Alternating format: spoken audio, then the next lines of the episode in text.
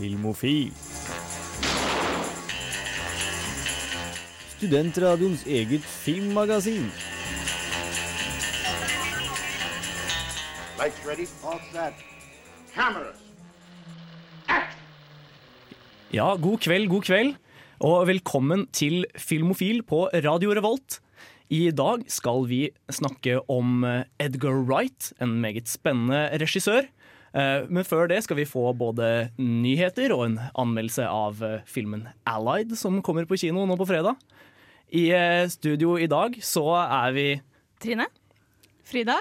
Jan Markus. Hans. Og jeg heter August.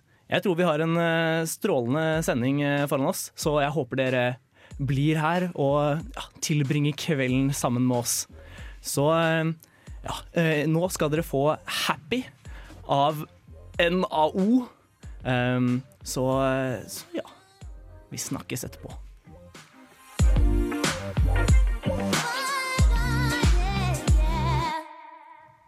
Ja, og her i Filmofil pleier vi som regel å snakke litt om hva vi har sett siden sist. Og Hans, yeah. hva er det du har sett siden forrige sending? Du, jeg har sett en film som har etterlatt meg med en liten høne å plukke med resten av verden. Um, jeg har nemlig sett den siste Star Trek-filmen. Oh, uh, Beyond? Nei, jo. Jo, Jo, Star eh, Trek Beyond. Star Trek Beyond. Jeg likte den ikke. Oi!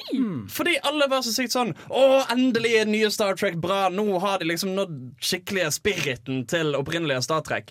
Og jeg syns i grunnen bare det var mer av det samme.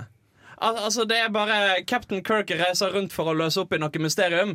Oi, her viser det seg at det var noen litt sånn mystisk skurk. Og han skurken har en sånn kjempestor plan for Altså Det er basically Guardians of the Galaxy, bare litt utvannet. Jo da, men for en gangs skyld så drar de jo på andre planeter, da. De er liksom ikke på skipet Jo, men Det er det tida. eneste som skiller det. Ja, men de Ah, ah, gjør, de gjør jo iallfall noe annerledes. Tillat meg å kaste en brannfakkel.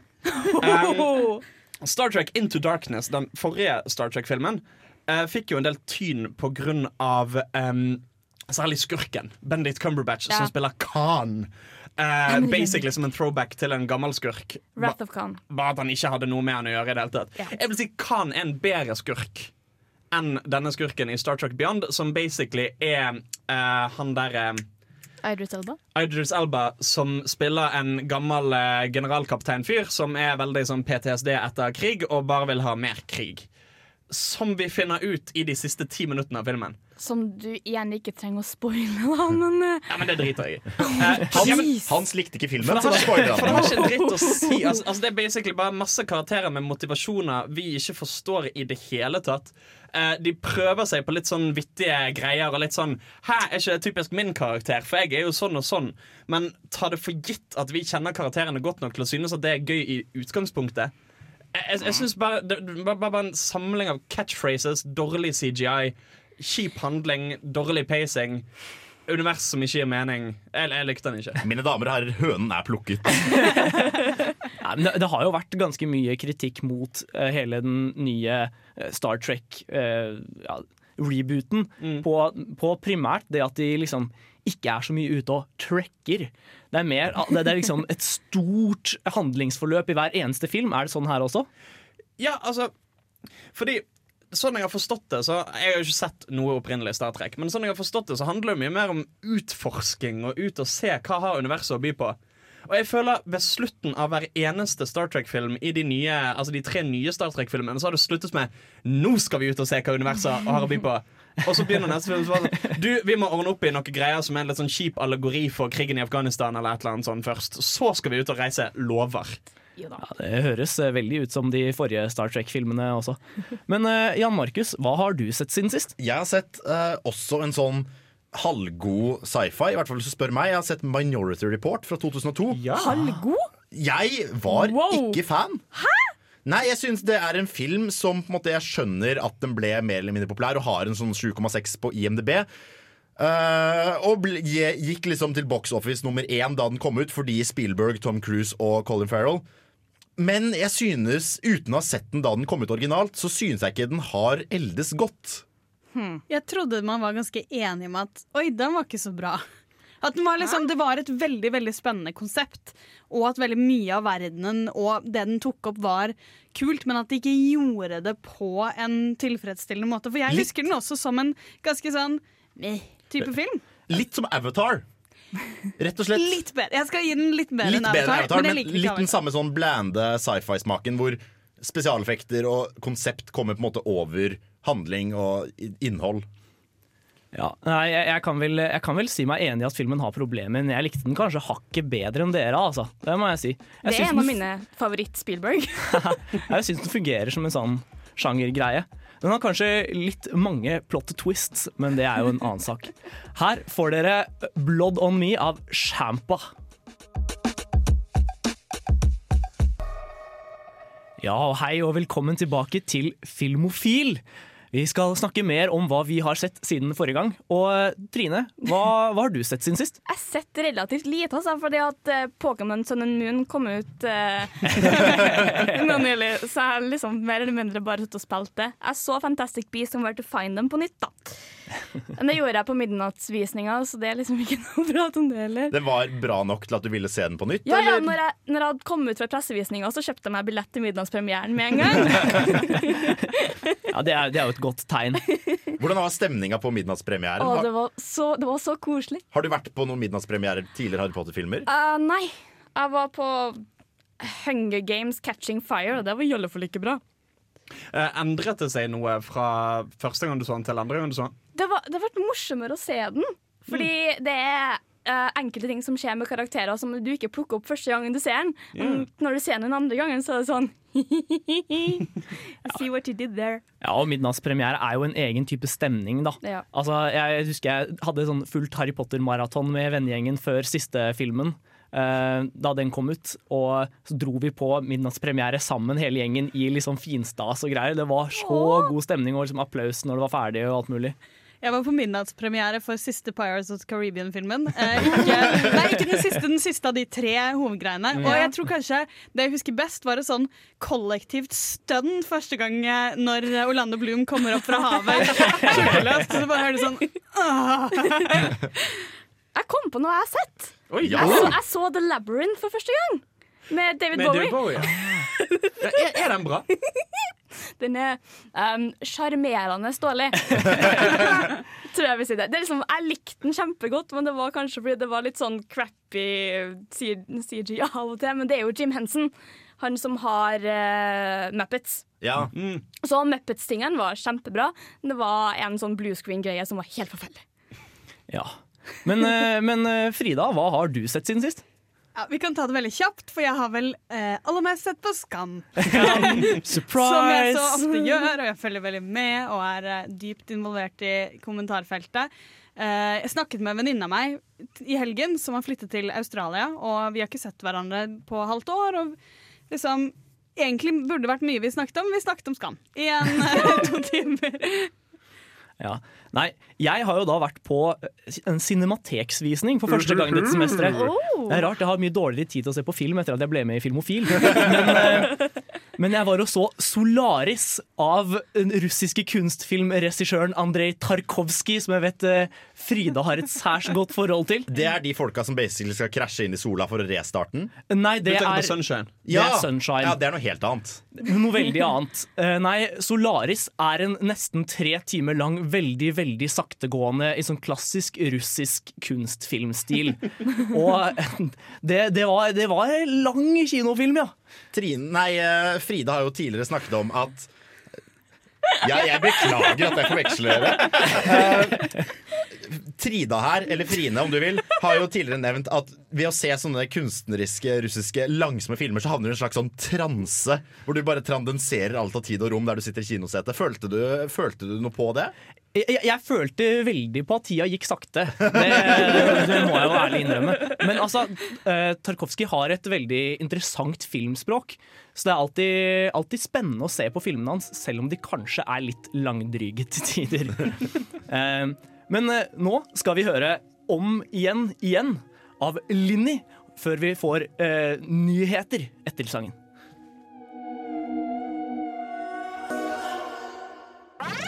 Filmofil gir deg nyhender fra filmen og fjernsynets i spanende verden.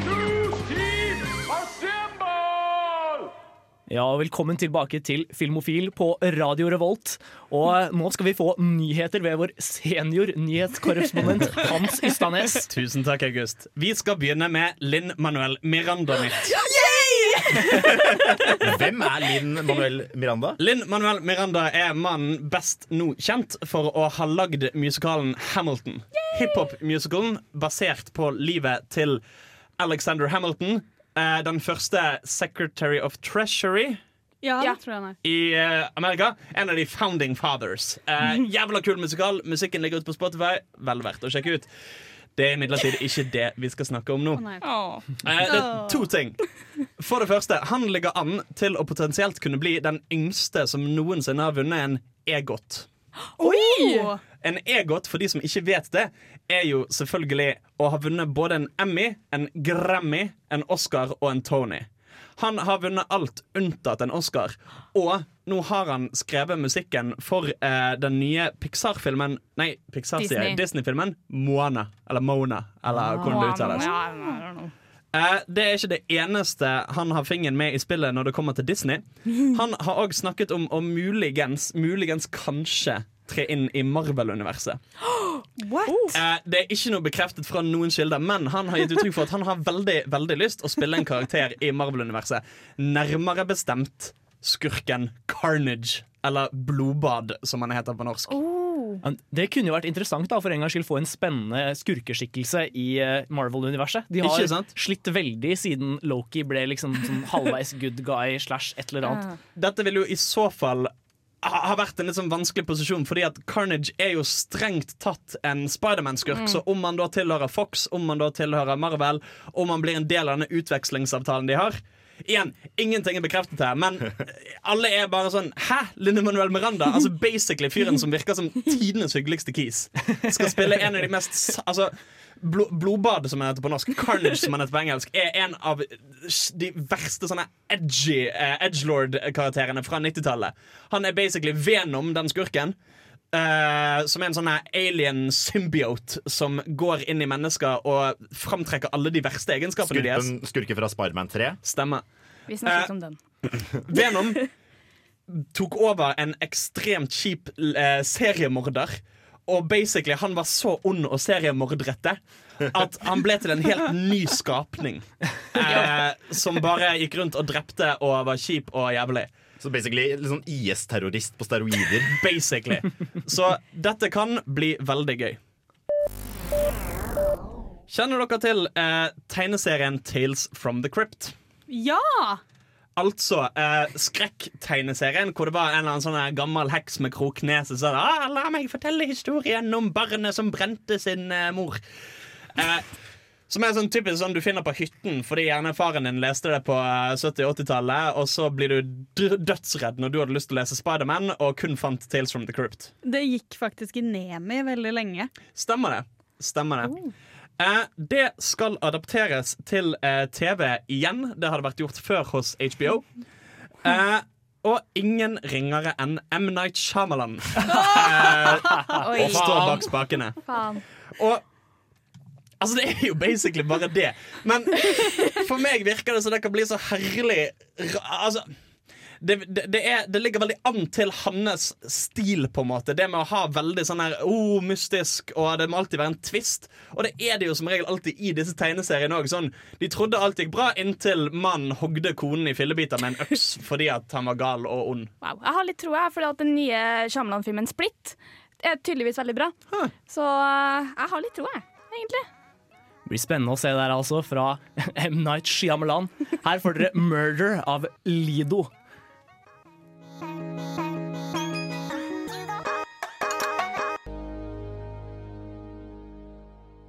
Ja, velkommen tilbake. Du hører fortsatt på Filmofil på Radio Revolt. Og nå skal vi få flere nyheter fra vår senior nyhetskorrespondent Hans Ystanes.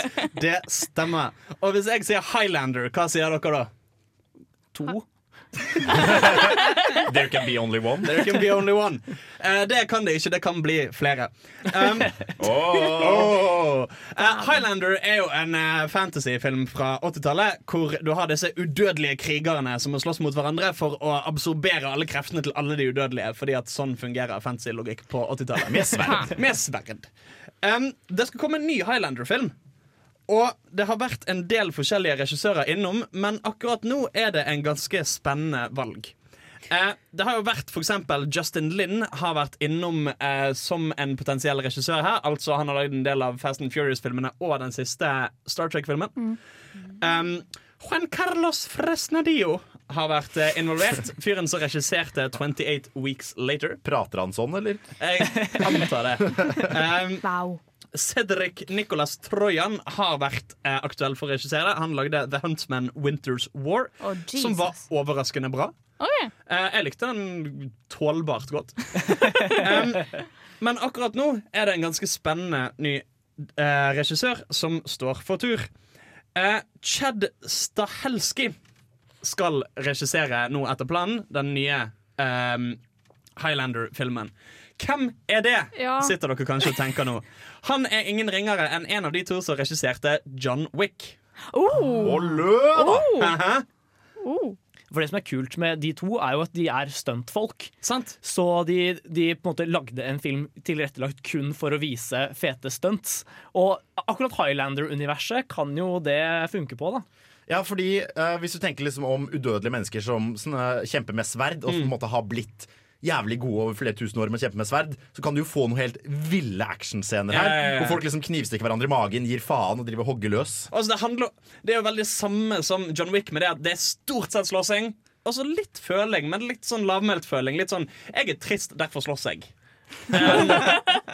Ja, det var jo noe som fun- funka overraskende bra egentlig med John Wick. Du, du kjøper liksom at han bare skal hevne seg for de folka som drepte hundevalpen hans. Det er, det er, det- du, du, tror, du tror litt på han, da. Ja, ja. Så vi får håpe at han blir på prosjektet, og at vi får det. Filmen The Big Short gjorde det jo stort em, i fjor. Eh, den var regissert av en fyr som heter Adam Mackay, og Adam Mackay skal fortsette å regissere. Vent litt. Big Short var i år. Det var i januar. Eller den kom i Norge i januar, da. Stemmer. Stemmer. Hvis vi skal være veldig Fordi jeg var og anmeldte den, så I know. I hvert fall. Regissøren har ikke bestemt seg for å hvile på laurbærbladene. Han skal regissere igjen. Han skal lage intet mindre enn en biopic av Dick Cheney. Det hørtes veldig ut som det var sånn Han har regissert før, og han kommer til å regissere igjen. Det, det er litt spennende, fordi jeg tror faktisk akkurat han kan være, en, eh, være mannen for den oppgaven. Fordi han har liksom sånn, han klarer å blande alvor og humor på en ganske overbevisende måte. Det syns jeg i hvert fall i, i The Big Short. Og han har jo helt klart teft for humor. Han var jo også regissøren bak Anchorman-filmene i sin Ja. tid. Så eh, han, eh, han er en morsom type. Ja, jeg tror også han på en måte klarer å formidle det gravalvoret som ligger på en måte bak invasjonen av Irak, og alle trådene som blir trukket der på et veldig sånn vanskelig politisk spill. På en måte som er én mulig å se på, og også underholdende og lærerikt. Og det er jo gøy at vi kan se litt sånn her politisk intrige og skyggespill og alt det der, som faktisk fortsatt ligger ganske nærmt oss i tid. At det ikke blir typ sånn eh, handler om Watergate og de tingene der, eller at det handler om eh, typ fiktive greier som i House of Cards, men at det faktisk handler om alt som foregår i kulissene i et presidentskap vi faktisk husker. Jeg gleder meg bare til å se Margot Robbie in the bathtub, som skal forklare oss hva som foregår. Eh, nå er det snart slutt på Resident Evil-filmene. Å nei! Nei.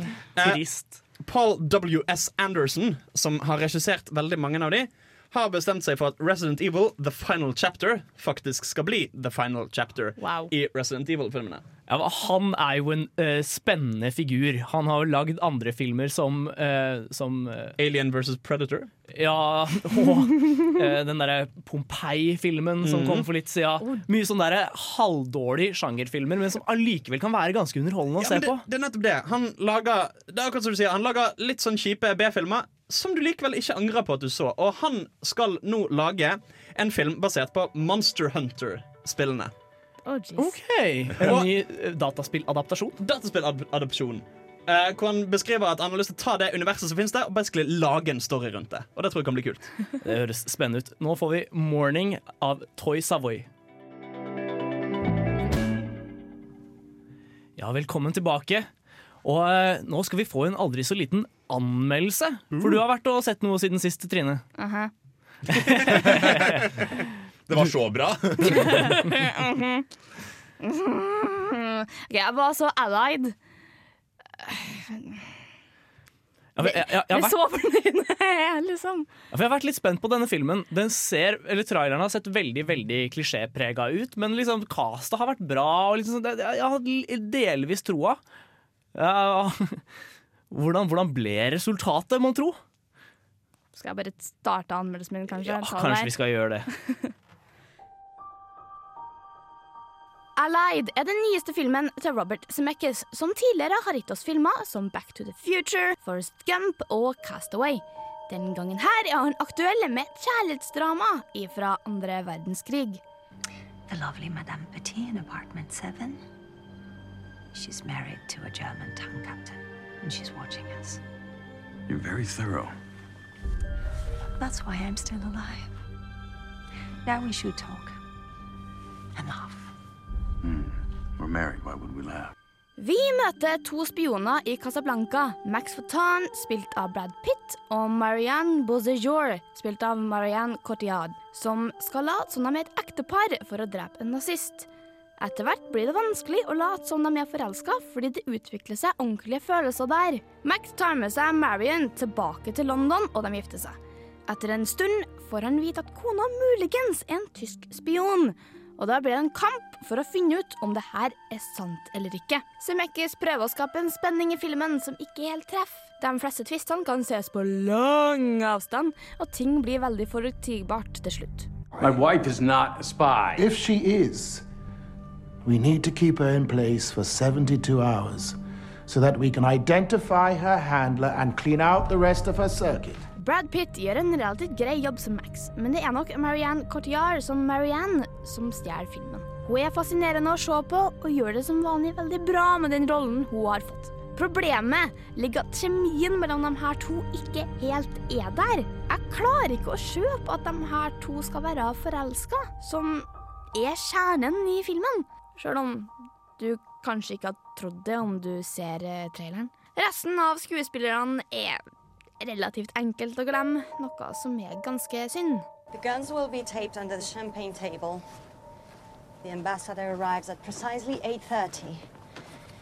If he's late, He's German. He'll be on time.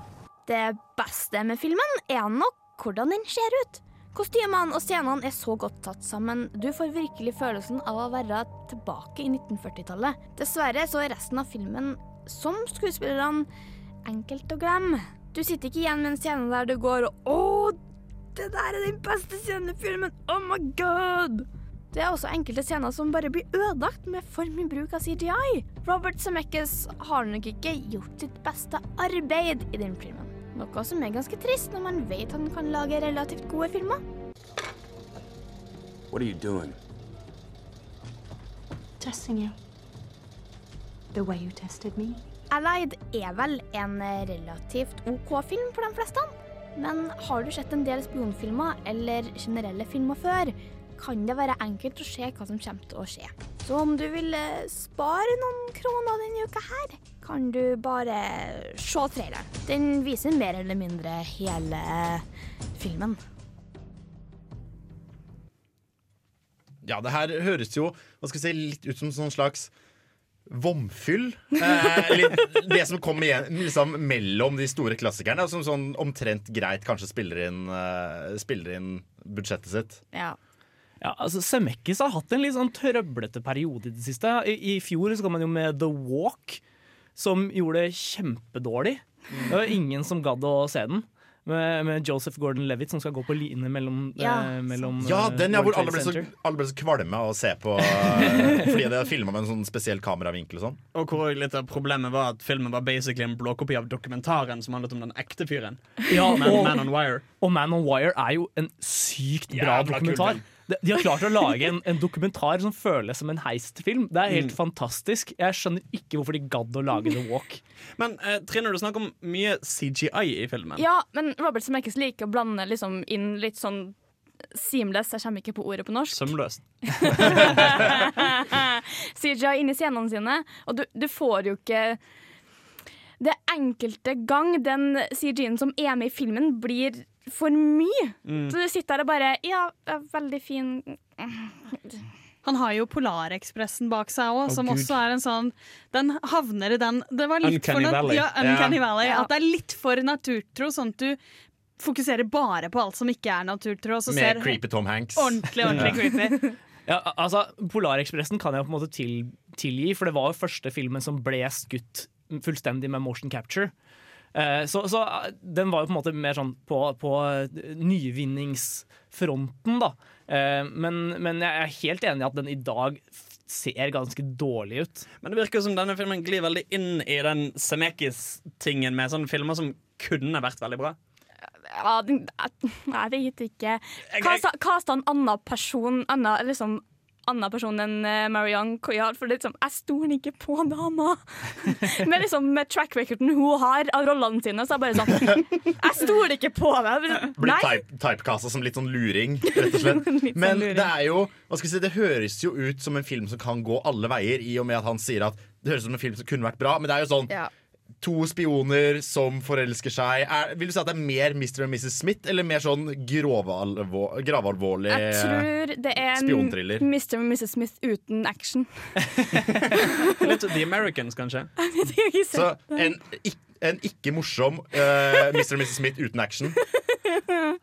Men altså, jeg, jeg syns det er litt trist. da Marion, Cotillard er en av mine favorittskuespillere. Hun har vanligvis ganske gode manusleserøyne. Ja, hun spiller jo kjempebra i filmen. Det gjør hun jo. Den, den, den- er relativt grei, liksom. Men når de er med i London, og det kommer en sånn dobbeltdekkerbuss som ser ut som bussene som kjører rundt i London i dag, jeg bare Hæ? Hadde de, hæ? Hadde de sånn busser på 40-tallet? Ja. Hve- Hvem vet? Hvem vet? Nei, det, for, det forrige jeg så henne i, var Macbeth. Er den bra? Jeg Den er, den er, den er Macbeth. Eh, jeg, jeg er kjempefan av eh, Macbeth. Det er en veldig fin film. Nydelig cinematografi. Jeg syns de pløyer litt i overkant fort gjennom mye av manuset. Så det er sånn, han kongen bare sånn 'Jeg er snill, jeg er snill.' 'Oi, der ble jeg gal!' 'Oi, nå er jeg kjempegal. Nå er jeg ond.' Men ja, har, du, har du liksom lyst til å se en andre verdenskrig-film med, med Brad Pitt, se 'Inglorious Bastards' i stedet. Selv om det teknisk sett ikke er helt den i virkelige verden. da. Det er en dude som er med i begge filmene, som eh, omhandler kortspill. Det var kjempemorsomt. Ja, vi, vi kan, jeg kan jo også anbefale Fury. I hvert fall en mild anbefaling. Ja, den er tidvis. grei. Første halvdel er bra. Ja, den, den har noe for seg. Shia LaBeouf gjør en eh, særs grei rolle der. I forhold til hva han pleier å gjøre Så ja, Moralen er vel skal du se Brad Pitt andre verdenskrig-filmer, gå for noe annet enn denne. Ja. Her får dere Get Bigger slash Do Love med NX Warries. Had to lighten the load. I was young, but I was keen to survive on my own. Hei, hei. Velkommen tilbake. Nå beveger vi oss inn i temadelen av denne filmofilsendingen. Hey. Og denne gangen skal vi snakke om en regissør ved navn Edgar Wright. Ja, eh, han er det jeg som har muligens forkjempet litt eh, for. Men han er, jeg syns egentlig han er en veldig fascinerende type fordi han er um, en veldig spesifikk gjeng sin superfavoritt. Sånn, Ja. eh, og det er alle film...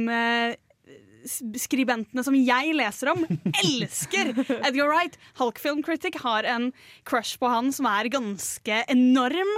Uh, Every Frame of Painting har en serie om det. Nå kom nettopp Nerdwriter med en greie om et Scott lite videoessay om Scott Pilgrim. Så han er en slags sånn hva skal vi si, kjennernes darling. Ja, ikke sant? Men ikke de som er så kjennere at jeg faller av. Han er liksom kjennerne på det nivået Ikke de som jeg liksom lever. ser uh, Solaris og Ja, for Han beveger seg liksom ikke over i helt i det der um, kunstfilm, kjempe-artsy-fartsy-greiene heller. Det er bare godt håndverk av pop popfilm. Hva skal vi si, En regissør for ikke nødvendigvis filmkjennere, men filmentusiaster. Ja, og, og mannen er skikkelig cineast. Fast seg altså han, han elsker å se på film. Her eh, nylig så kom det en, eh, en sak hvor han hadde lagd sin liksom 1000 favorittfilmer-liste. Ja, Eh, og jeg, jeg bladde meg gjennom den, og det er, det er så mye spennende som ligger der. Han har liksom ja, han har alt fra de der skikkelig sånn artsy-fartsy filmene til sånn helt streite action- og, og horrorfilmer. Da. Han, er, han er veldig glad i sjangerfilmer generelt, har jeg inntrykk av. Eh, Så hva skal vi si, En litt mindre douche i Tarantino, som, som klarer å lage filmer om andre ting enn hevnplott. Ja, og Han jobber jo i et litt annet sjangerterritorium. Jeg føler Filmene til Edgar Wright er mye mer sånn rene komedier enn Mm. det Tarantino sine filmer er. Tarantino er, har litt alvor blanda inni der på et, på et vis. Og det, det, er jo, altså det er jo kanskje, du kan si at det er to regissører som har hatt samme utgangspunkt, men valgt veldig forskjellige måter å bruke det for å skape film. Hvor Tarantino er veldig full av homage og eh, throwbacks og callbacks til tidligere ting. Eh, mens Edgar Wright har på en måte brukt all den filmkunnskapen han har, til å skape litt sitt eget filmspråk. Det skal jo sies at han hadde eh, Da han ga ut sine tidlige filmer, så hadde han jo et omasj-ometer. Som Mm. han liksom satt og telte, fordi han gjerne liker å vise videre hvem han eh, Hvem han ikke kopierer, da, men Har hentet inspirasjon fra. Ja, og bruker veldig mye. Han er veldig tydelig i filminspirasjonen sin. da Ja, og han er, han er veldig god på det å på en måte lage filmer som både er en hyllest og en parodi på de sjangrene han opererer innenfor. Da. Sånn som, ja, jeg vet ikke, Vi kan ta eksempelet Shaun of the Dead, Mm. som er veldig tydelig eh, på en måte en slags parodi på zombiefilmen, men som allikevel det kommer så tydelig fram at han elsker de zombiefilmene han parodierer. Da. Men vi kan jo kanskje snakke litt om hvor han, hvor han kommer fra. Uh, Edgar Wright er jo britisk regissør. Og han, han jobbet tidlig i måte, ja, mye, mye fjernsyn, egentlig. Lagde sånn tulle... Eller, den første filmen han lagde, var vel en spoof-film som het uh, spoof-western, som het A Fistful of Fingers. som en eh, parodi på Sergio, Sergio Leones A Fistful of Dollars. Um, og siden, ja, Utover 90-tallet så ble han liksom plukka opp, da, og han har eh, siden jobba mye med Simon Pegg Mm. og Ja. gjengen rundt han. Og Nick Frost. Og Nick Frost, selvfølgelig. I den, eh, hva skal vi si, den såkalte Cornetto-triologien. Og har datet Anna Kendrick. Det lærte jeg i dag. Oi! Ja, de, de holdt på ganske lenge, faktisk, men de slo opp i 2013. Etter de møttes på Scott Pilgrim versus The World. Men hun må jo være et godt stykke yngre enn han er. Ja, det var det, men han er yngre enn vi tror, tror jeg Altså, Født jeg leste. 1974. Ok, Han var ikke så mye 42 yngre. år nå.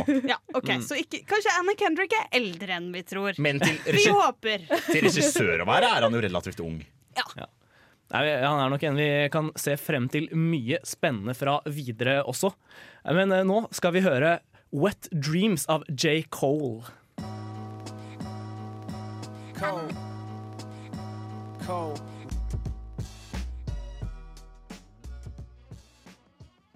Ja, og på Filmofilen i kveld så snakker vi eh, om Edgar Wright, regissøren. Og eh, nå skal vi se litt på inspirasjon og stilkjennetegn. Og hva kjennetegner egentlig ja, stilen til Edgar Wright, eh, Frida? Altså, Vi snakket jo om at han er veldig eh, men jeg syns det sier så veldig mye om han at det han sier som en av sine tidligste yndlingsfilmer, er An American Werewolf in London. Som for de som har sett den, er en skikkelig søt sånn B-film på den måten vi ser for oss. Veldig sånn derre tullete ja, Det er jo da en amerikaner som blir en varulv, og så prøver han å starte et forhold med en jente, og så vet jeg ikke helt hva som skjer etter det, så blir han varulv. Eh, og så på en måte er det bare sånn de sakte De bruker litt tid på sånn Nei, men det skal være en veldig, veldig pen scene, eller veldig god scene, der hvor han blir forvandlet til varulv, og bruker masse tid på effektene, og det er veldig gøy, og sånn cheesy, rart, rart, rart manus. Og det, jeg syns du ser det veldig i det Edgar Wright gjør, nettopp som vi nevnte tidligere, det at han er så glad i ting som gjør Som er uironiske, da. Som bare går fullt inn i sånn fuck it. OK, dårlig Kanskje litt rart setup, men nå må vi bare eie det. Og jeg tror kanskje det, Han henter også veldig mye inspirasjon fra filmer og finner ut hva er det som gjør ting bra. Eh, og hva er det som fungerer her? Fordi han eh, i f.eks. Cornetto-trilogien så ser du f.eks. I, i, eh, i hva heter Shaun of the Dead, så legger du merke til at denne fyren elsker zombiefilmer. Eller i Hot Fuzz, som vi kommer til senere, at denne fyren elsker liksom britisk krim. Eh, og også ikke minst Scott Pilgrim versus The World, så ser du at hele greia er laget som et dataspill eller som en tegneserie. Han har, han har jo et filmspråk som Altså Det er veldig tydelig at alt har en slags idé eller tanke bak seg. Det er, det er veldig sjelden Det virker som bare sånn Nei, denne kameravinkelen på denne dialogscenen her Den bare smekker vi opp sånn fordi at vi må få filmet dette hvor de skal snakke sammen. Det virker nesten som hvert eneste skudd, hver eneste kameravinkel har en idé bak seg. Sånn, nei, nå filmer vi det derfra, for da blir det tidig. For da kan du se det og det, og da får vi den vinkelen der, og så blir det fin dynamikk der. Det virker, som, det, det virker så inspirert alt sammen. Ja, det er noe med det. Det, virker, det er veldig mye kreativitet der også. Det er kanskje noe av det jeg liker best. Altså, at på en måte Hver eneste overgang til en ny scene er noe du aldri har sett før. Den, den, det gjør at filmene blir så ja, dynamiske og spennende å se på. Men jeg syns også man burde nevne, når man snakker om Edgar Wright eh, Vi sammenlignet han i stad med Tarantino, og en av tingene jeg syns Edgar Wright gjør mye bedre enn veldig mye annen ren komedie, er at han er ganske emosjonelt moden. Det gir veldig mening. hvordan ja. sånn I Shaun of the Dead så er det jo egentlig en romantisk komedie om en fyr som må vokse opp og liksom gå ordentlig inn i forholdet med kjæresten sin i stedet for å henge med sin litt tafatte venn. Og det tar de dritseriøst, og klarer liksom å beskrive den følelsen og alt rundt det på en veldig moden måte, samtidig som de har putta masse zombier rundt. Og det får lov til å være morsomt for seg, da. Ja, det handler liksom om fyren som endelig skal få skikk på livet sitt, men så bare, bare ah, kom zombieapokalypsen samme dag. Sykt upraktisk. Liksom, jeg syns det er så dumt at han ikke fikk regissere Antman. Mm. Fordi liksom alt det vi tar opp nå, passer så godt i Marvel-universet og kommer til å være så frisk pust, og så bare Nei, jeg skulle hatt en Creative Differences-jingle, men vi har ikke. Og han har også sagt at du kan på en måte ikke ha uh, komedie uten å ha noe seriøst. En slags sånn Ja. kontrast som, å stille det opp mot. Så i alle filmene så er det jo elementer av mer alvorlige temaer. Uh, for eksempel også i Er det World's End den heter? World's End, ja. World's Ja. End så handler det jo om uh, en fyr som er alkoholiker. Og har kjempeproblemer. Og, og, så blir, så, og det, er, det er blodseriøst. Og så setter de det på en måte i en sånn pubcrawl hvor verden går under samtidig. Og det, det, det er jo et flott eksempel på hvordan de Det er aldri noen som ser inn i kamera og bare 'Han er alkoholiker'. Eh, det, det formidles visuelt med hint og hvordan ting framstilles. Hvordan han forholder seg til andre. Det blir aldri eksplisitt sagt. Men du skjønner det jævla godt likevel. Ja, jeg syns jo dette også er tilfellet i Scott Pilgrim versus The World. Mm. Som på en måte handler om liksom, en, en fyr som bare har, har ja, ikke har klart å komme seg over bruddet med forrige kjæresten, og som på en måte bare må jobbe seg gjennom det, parallelt med at han må slåss mot alle eksene til, til, til den nye jenta han dater. Scott Pilgrim er den beste dataspillfilmen vi noen gang har fått. Ja, det er, det er nok uh, helt sant. Selv om det egentlig er basert på en tegneserie. Men uh, nå skal vi uh, høre en ny sang. Det blir eh, 'Witness' av Mikael Paskalev. Og etter det skal vi snakke mer om Edgar Wright.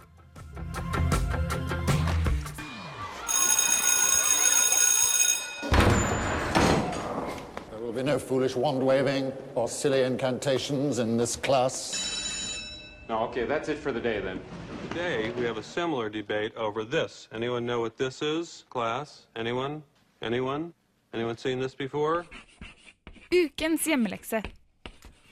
Og ja, ukens hjemmelekse handler jo om at vi har eh, I slutten av forrige sending så kom vi med en film dere der hjemme skulle ha sett til denne gang. Og ukas hjemmelekse denne uka var Hot Fuzz. Mm. Og Hot Fuzz er jo en særs festlig film, eh, om jeg skal si det selv.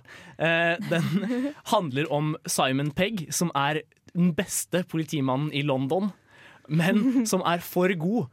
Så han gjør at resten av politimennene ser dårlig ut til sammenligning, og blir derfor sendt til en sånn knøttliten by hvor det visstnok ikke skjer noe galt. Men så begynner det å skje merkelige ting. Og det som er så utrolig gøy med Hot Fuzz, er at den på en måte den er en skikkelig parodi på Michael Bay-stilen, egentlig. Mm. De har tatt estetikken fra Transformers og bare plassert det i en knøttliten sånn engelsk landsby. Det er helt herlig å se på. Og det er et flott eksempel på hvordan, hvordan du kan lage en god slags parodifilm som tar liksom veldig sånn realistiske og moderne sensibiliteter og setter det inn i en sjangerfilm. På en måte som jeg vil si for eksempel Vikingene på NRK ikke klarte. Eh, hvor, hvor, hvor, hvor det framstår veldig ekte og veldig fornuftig og jævla vittig. Hvordan eh, Simon Pegg sitter der og snakker om Nei, det er ingen som kaster seg mens de skyter to pistoler samtidig. eh, og sånne ting Og det fungerer jævla bra. Ja, og det som også er så morsomt der, er at han på en måte eh, Han refererer hele tiden til filmene han parodierer. Mm. Så på et tidspunkt på slutten så, så går de faktisk på en bensinstasjon og kjøper seg Bad Boys 1 og 2 og Point Break og en del av de der, de der klassiske actionfilmene da, som på en måte filmen er helt sykt inspirert av. Bare for å på en måte inspirere Simon Peggs karakter. Ja, ikke sant? Og så ser du på en måte i de senere actionsekvensene hvordan han hele tiden gjør akkurat det de har gjort i filmene. Og det er en film hvor, altså, altså Det finnes jo faktisk liksom mysterium som ordnes opp i, men det er jo en film som i veldig stor grad bare handler om at Simon Pegg sin karakter må lære seg å slappe av litt og chille litt, og ikke være på vakt på gard hele jævla tiden. Eh, hvor han til å begynne med er sånn her Nei, jeg drikker ikke kaffe etter klokken tolv om dagen. Jeg drikker ikke alkohol eh, på hverdager eller etter klokken åtte. Og eneste politimann som gjør episk papirarbeid, for så fuckings god er han. Ja, det, er, det er i det store og det hele særs underholdende film. Og det er jo en del av Edgar Wrights eh, Cornetto-triologi. Som er eh, hans Han har sagt det er svaret hans på Kieslowskis tre farger. Så da fant han eh, tre iskremsmaker. Og det er vel ikke egentlig mer bundet sammen av at de har hver sin sjanger, og at det spises is i hver av filmene. Ja, spises cornetto-is i hver av filmene. og Relativt samme skuespillere som Ja. er med, da. ja, men jeg synes, det er egentlig veldig morsomt, for jeg trodde første gang da jeg så uh, Shaun of the Dead aller først, så trodde jeg de var veldig veldig typecasta, så jeg tenkte Simon Pegg og Nick Frost de, ja, ja, ok, men de har bare satt til sånn helt eh, karakterer som passer til dem, og så skifter de liksom dynamikken mellom dem i hver eneste Mm. film. At I den ene så er det Simon Pegg som er superordentlig, men i neste så er det han som spiller alkoholiker. Nick Frost. Nei, det, han er ikke nei. Ja. Unnskyld meg. Frida vet hva hun snakker om. Det, har faktisk sett alle filmene. Jeg syns det er veldig fascinerende hvordan han klarer å bruke dem så utrolig bra. Ja, I den sammenheng tror jeg vi kanskje rett og slett skal høre på et lite klipp med Simon Pegg og han Nick Frost som snakker sammen om hvordan det er å, å være politimann. Have you ever seen Point Break? No. Amazing bit in Point Break where they jump over fences. Is there no? 29. Patrick Swayze's just robbed this bank. Keanu Reeves is chasing him through people's gardens. And he goes to shoot Swayze, but he can't because he loves him so much. And he's firing his gun up in the air. He's like, oh. 30. Have you ever fired your gun up in the air and gone, ah? No, I have not ever fired my gun up in the air and gone, ah. 30. Sorry, um, I just. I just feel like I'm missing out sometimes. I want to do what you do. You do do what I do. What on earth do you think you're missing out on? Gunfights, car chases, proper action and shit. Police work is not about proper action or shit. 29. If you'd have paid attention to me in school, you'd understand that it's not all about gunfights and car chases. Og, og det må jo sies at denne, denne dialogen blir fulgt opp av den kanskje beste biljakten i filmhistorien Mm. rett etterpå. Hvor eh, ja, de, de, de får en bil som kjører i sånn 50 miles per hours i, i 30-sona. Ja. Og eh, Simon Pegg setter bilen i gir og suser av gårde. Og så ser du sånn to klipp med bil som kjører kjempefort før de parkerer. Og han eh, til Nick Frost som bare That is the sickest thing I've ever witnessed. Fordi Noe filmen virkelig har for seg, er uh, supportcastet i Mm. filmen. Fordi Timothy Dalton som den der butikksjefen er så fantastisk. Og ikke minst han fyren som spiller The Hound i Game of Ja! Thrones, er Yarp. Yarp. Yarp. Yarp. Den er rett og slett morsom i nesten alle ledd. Mm. Det er, den, den, den på en måte klarer både parodidelen og den er kreativ i, i alle, alle sceneovergangene. Det, det, er, det er så mye å sette pris på. Og det er på en måte noe av det som kjennetegner Nick Frost. Det er ikke et kjedelig øyeblikk. Det er på en måte ikke sånn et reiseøyeblikk, eller at det er på en måte Nå er den lange dialogscenen. alt kan gjøres på en kreativ måte. Eh, og bare det å ta liksom noen stilvendinger hvor han ene fyren får hodet sitt eksplodert av et kirkespir, så er det på en måte Det er ingen kjedelige deler. Mm. Nei, det er, det er helt sant. Um, er det, ah, nå datt jeg helt ut, gitt. Nei, men uh, um, jeg tror vi varmt kan anbefale Hot Fuzz til alle lytterne der ute. Absolutt. Får grad. Filmofils seal of approval, for å si det sånn. Nå skal vi høre Afterglow av Gene Green.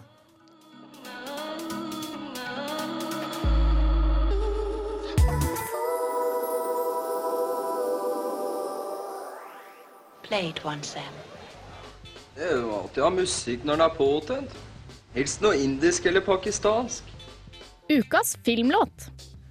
Ja, og ukas filmlåt eh, denne uka er selvfølgelig hentet fra Shaun of the Dead. Selvfølgelig. Og det er ikke, in- ingen ringere sang enn Don't Stop Me Now av Queen. Og den sangen brukes på en helt hysterisk festlig måte i, eh, i filmen. De- De er innestengt i en eh, pub, og de finner ut at pubeieren har blitt en zombie og må selvfølgelig bekjempe han på noe vis. Akkurat idet han kommer ned, så kommer, eh, kommer Don't Stop Me Now på den derre eh, juice- Jukeboksen. Eh, og de bekjemper han jo selvfølgelig i takt med musikken. med hver sin biljardstikke. Det- Biljardkø, heter det kanskje? Biljardkø. Og Dette er jo et eksempel på hvordan liksom bare spinner litt rundt på det. Altså, tidligere så har det vært litt sånn tilnærminger til triste perspektiv på hele zombiegreien, hvor eh, folk en kjenner og er glad i, blir gjort til zombier. Og å, det er vanskelig, for jeg kan jo ikke drepe min egen mor, og sånne ting. Og så plutselig kommer eieren, og verdens minst passende musikk settes på.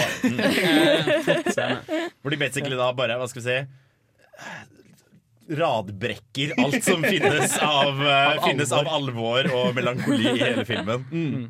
Ja, ja, for det, Den kommer liksom midt i en sekvens hvor det er ganske mye alvor. Altså, han, han må drive og ta oppgjør med, med moren sin, og, og, og stefaren har nettopp blitt uh, zombie. Og de innser jo også kort tid etterpå at det er ganske mange andre zombier utenfor huset. Så det er, det er veldig deilig å få en sånn bare en ren komediescene i midten der. Ja, det er vel akkurat det han er så Vi har snakket om det mye, men han er så god på rytme. Mm. Han Ja. klarer den derre OK, ok, hvis, jeg skal, hvis dere skal klare å fortsette å føle på det etterpå, så trenger vi en ikke bare liksom morsom greie, men en tullete og tøysete at noen står og slår i takt med verdens gladeste sang på en zombie. Ja, og- det å bruke musikk i filmene sine er noe han er ganske god på. Det beste eksempelet på det er jo også, eh, er, eller Det mest utprega eksempelet på det er jo kanskje Scott Pilgrim vs. The World, som jo handler om Scott Ja. Pilgrim som spiller i band. Og de, band, eller de, de bandsekvensene i Scott Pilgrim vs. The World er veldig, fest, eller veldig underholdende å se på. Det, de klarer virkelig å ta den der tegneserieestetikken og bare blåse det opp på filmlerretet. Jeg vil jo si at altså, altså, det kan fungere eh, Den scenen i Shaun of the Dead kan fungere som en slags um, hommage til um, Til det som du ofte ser i zombiefilmer, hvor Altså For eksempel da i uh, Dawn of the Dead, Uh, når de er på kjøpesenteret. Så når det er punkt hvor de på en måte er innfunnet med isolasjonen og eh, undergangen av sivilisasjonen, og basically bare ha det gøy. Loker rundt på kjøpesenteret, driver og lokker zombiene vekk fra steder, sånn at noen andre kan gå der og lute det som finnes der. Og, og hvor de finner litt letthjertethet i katastrofen. Det ser en òg i Zombieland, når de går inn i denne indianerbutikken og begynner å knuse ting og ha det gøy der. Det er på en måte Det er en slags trope i, um, i zombiefilmtingen som jeg syns fungerer veldig fint der, på en ekstremt polarisert måte. Ja, du har, du har et veldig godt poeng der. For de som har lyst til å høre mer om zombier, så kan jeg anbefale å sjekke ut Filmfils sending fra eh, tre uker siden, er det vel? Noe sånt. Noe sånt. Hvor vi snakket om zombiefilmer, og ja, mye om hvordan, hvordan også Eller mye også om Shaun of the Dead, da. Hvordan de bruker zombiesjangeren til å skape humor. Mm. For det, de, er, de er flinke til å utnytte zombietropene til å på en måte skape, til å skape komikk der. Det er jo ikke bare, bare dette, det er mange andre eksempler på det i løpet av filmen. Og de, altså, de klarer å utnytte det at det, det er en slags absurditet i zombie-konseptet, på en måte. Eh, I det at det er jo verdens til tider minst truende skurk, på en måte. Som bare går sak altså, det, det er jo en scene i begynnelsen av filmen hvor de har en zombie i bakgården. Og så driver de og kaster LP-plater som frisbeer på han, for de må bare finne en måte å drepe han på. Og tar egentlig ikke situasjonen sånn kjempealvorlig i det hele tatt. Nei, og De krangler hele tida om hvilke LP-er de skal kaste. For de kan jo ikke kaste de bra LP-ene. Nei, ikke den, ikke den, ikke den, ikke den. Det er også en veldig fin scene i starten av filmen hvor han våkner opp og er skikkelig sånn, skikkelig sånn morgendød. Og på vei, eller går til butikken uten å egentlig merke at det er en zombieapokalypse. Fordi han er liksom det, det er også en zombiefilmklisjé, det at menneskene er like døde innvendig som zombiene. Oh. Men hvordan de utnytter dette til veldig komisk effekt. Da, hvordan han bare går gjennom gaten Ja. uten i det hele tatt merke at zombieapokalypsen har brutt ut. Fordi de, de gjør jo de speilvendt liksom, fra første scenen i filmen, der han går og alle sammen er i live. Ja.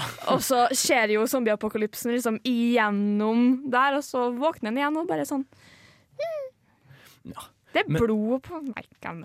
Men da tror jeg rett og slett vi hører på Don't Stop Me Now. Ja. Tonight I'm gonna have myself a real good time.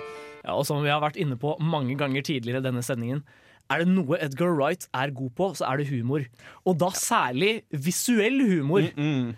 Fordi det er jo et, et slags skille her. Du har på en måte den klassiske amerikanske komedien. Er uh, mange morsomme skuespillere som sitter i et rom og basically har en dialog. Og så filmes dialogen, og så klipper man det sammen til det blir en film.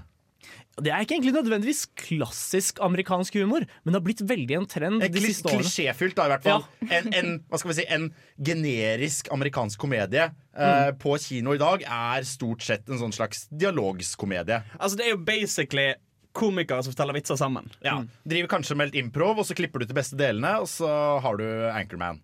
Ja, for, for noe, av, noe av problemet der er at veldig mye av eller veldig mange komedieskuespillere i dag blir hentet fra nettopp standup-scenen. Yeah. Og det gjør det jo på en måte veldig lett å lage film, for du kan bare sende de på settet, og så sier de masse dritt, og så, er, så blir det jo morsomt. Jeg syns jo Anchorman er en veldig festlig film. For all del. Uh, men det blir ikke nødvendigvis cinematisk. Altså Det blir jo på en måte bare til at filmen er tallerken vitsebiffen blir servert på. Ja. Vitsebiffen. Det skal jeg, det skal jeg bruke. Vitsebiffen. Ja, Det er ikke sånn at biffen kommer i form av filmatisk eh, Nei, lek og moro. Men la, meg Edgar! Wright. Serverer en biff på en biff. Edgar Wright er som en burrito hvor du spiser emballasjen.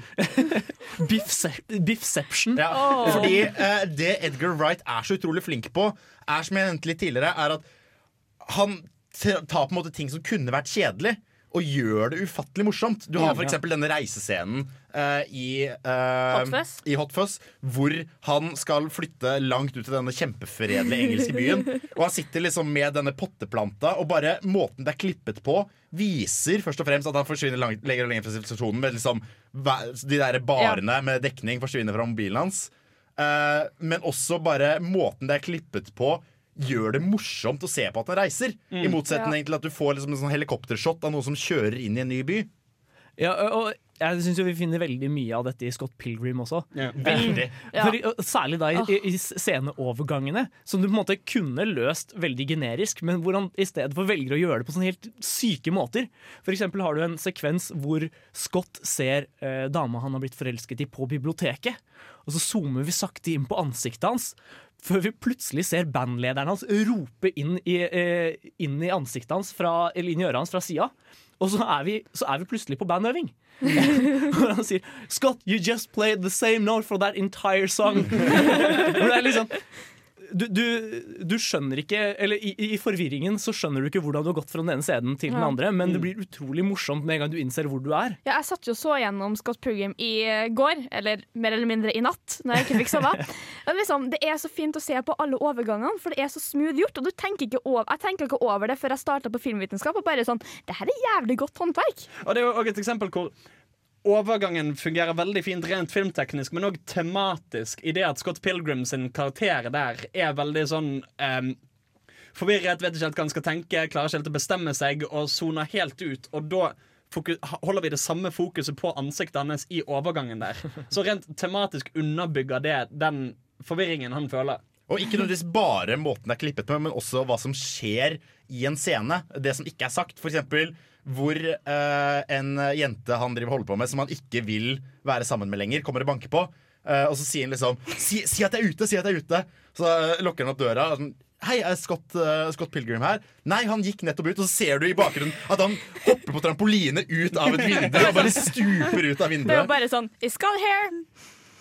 Mm, no, he just left! og så kommer han tilbake og henter jakka si, og så går han forbi henne.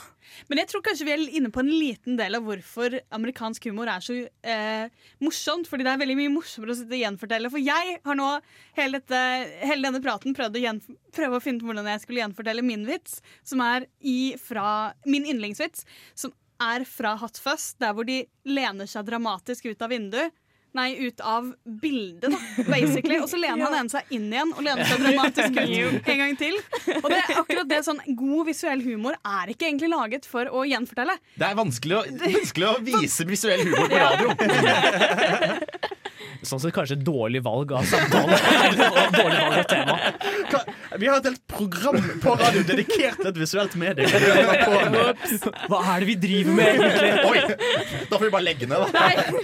Nei, men også en annen sånn veldig enkel ting som han klarer å gjøre på en festlig måte hver eneste gang, det er det å Når noen skal ta en telefon, så er det alltid noen andre som tar telefonen og stapper det inn i skjermen på en eller annen helt komisk måte. Det, det, er, sånn, det er sånn ting enhver annen regissør ville gjort skikkelig kjedelig, Ja. men som funker kjempebra for Edgar Wright. da Og det, det er jo vel, altså, Edgar Wright er en veldig sånn regissør som forst, har forstått veldig at det er film han lager. på en måte der, der, der en del virker som kamera er på en måte bare et vindu til vitsene.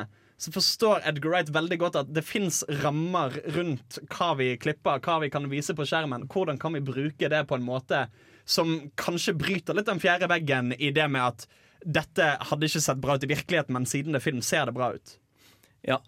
Og eh, vi skal snakke mer om eh, en TV-serie han lagde i neste stikk, men nå skal vi høre Finn av Emily the Duke.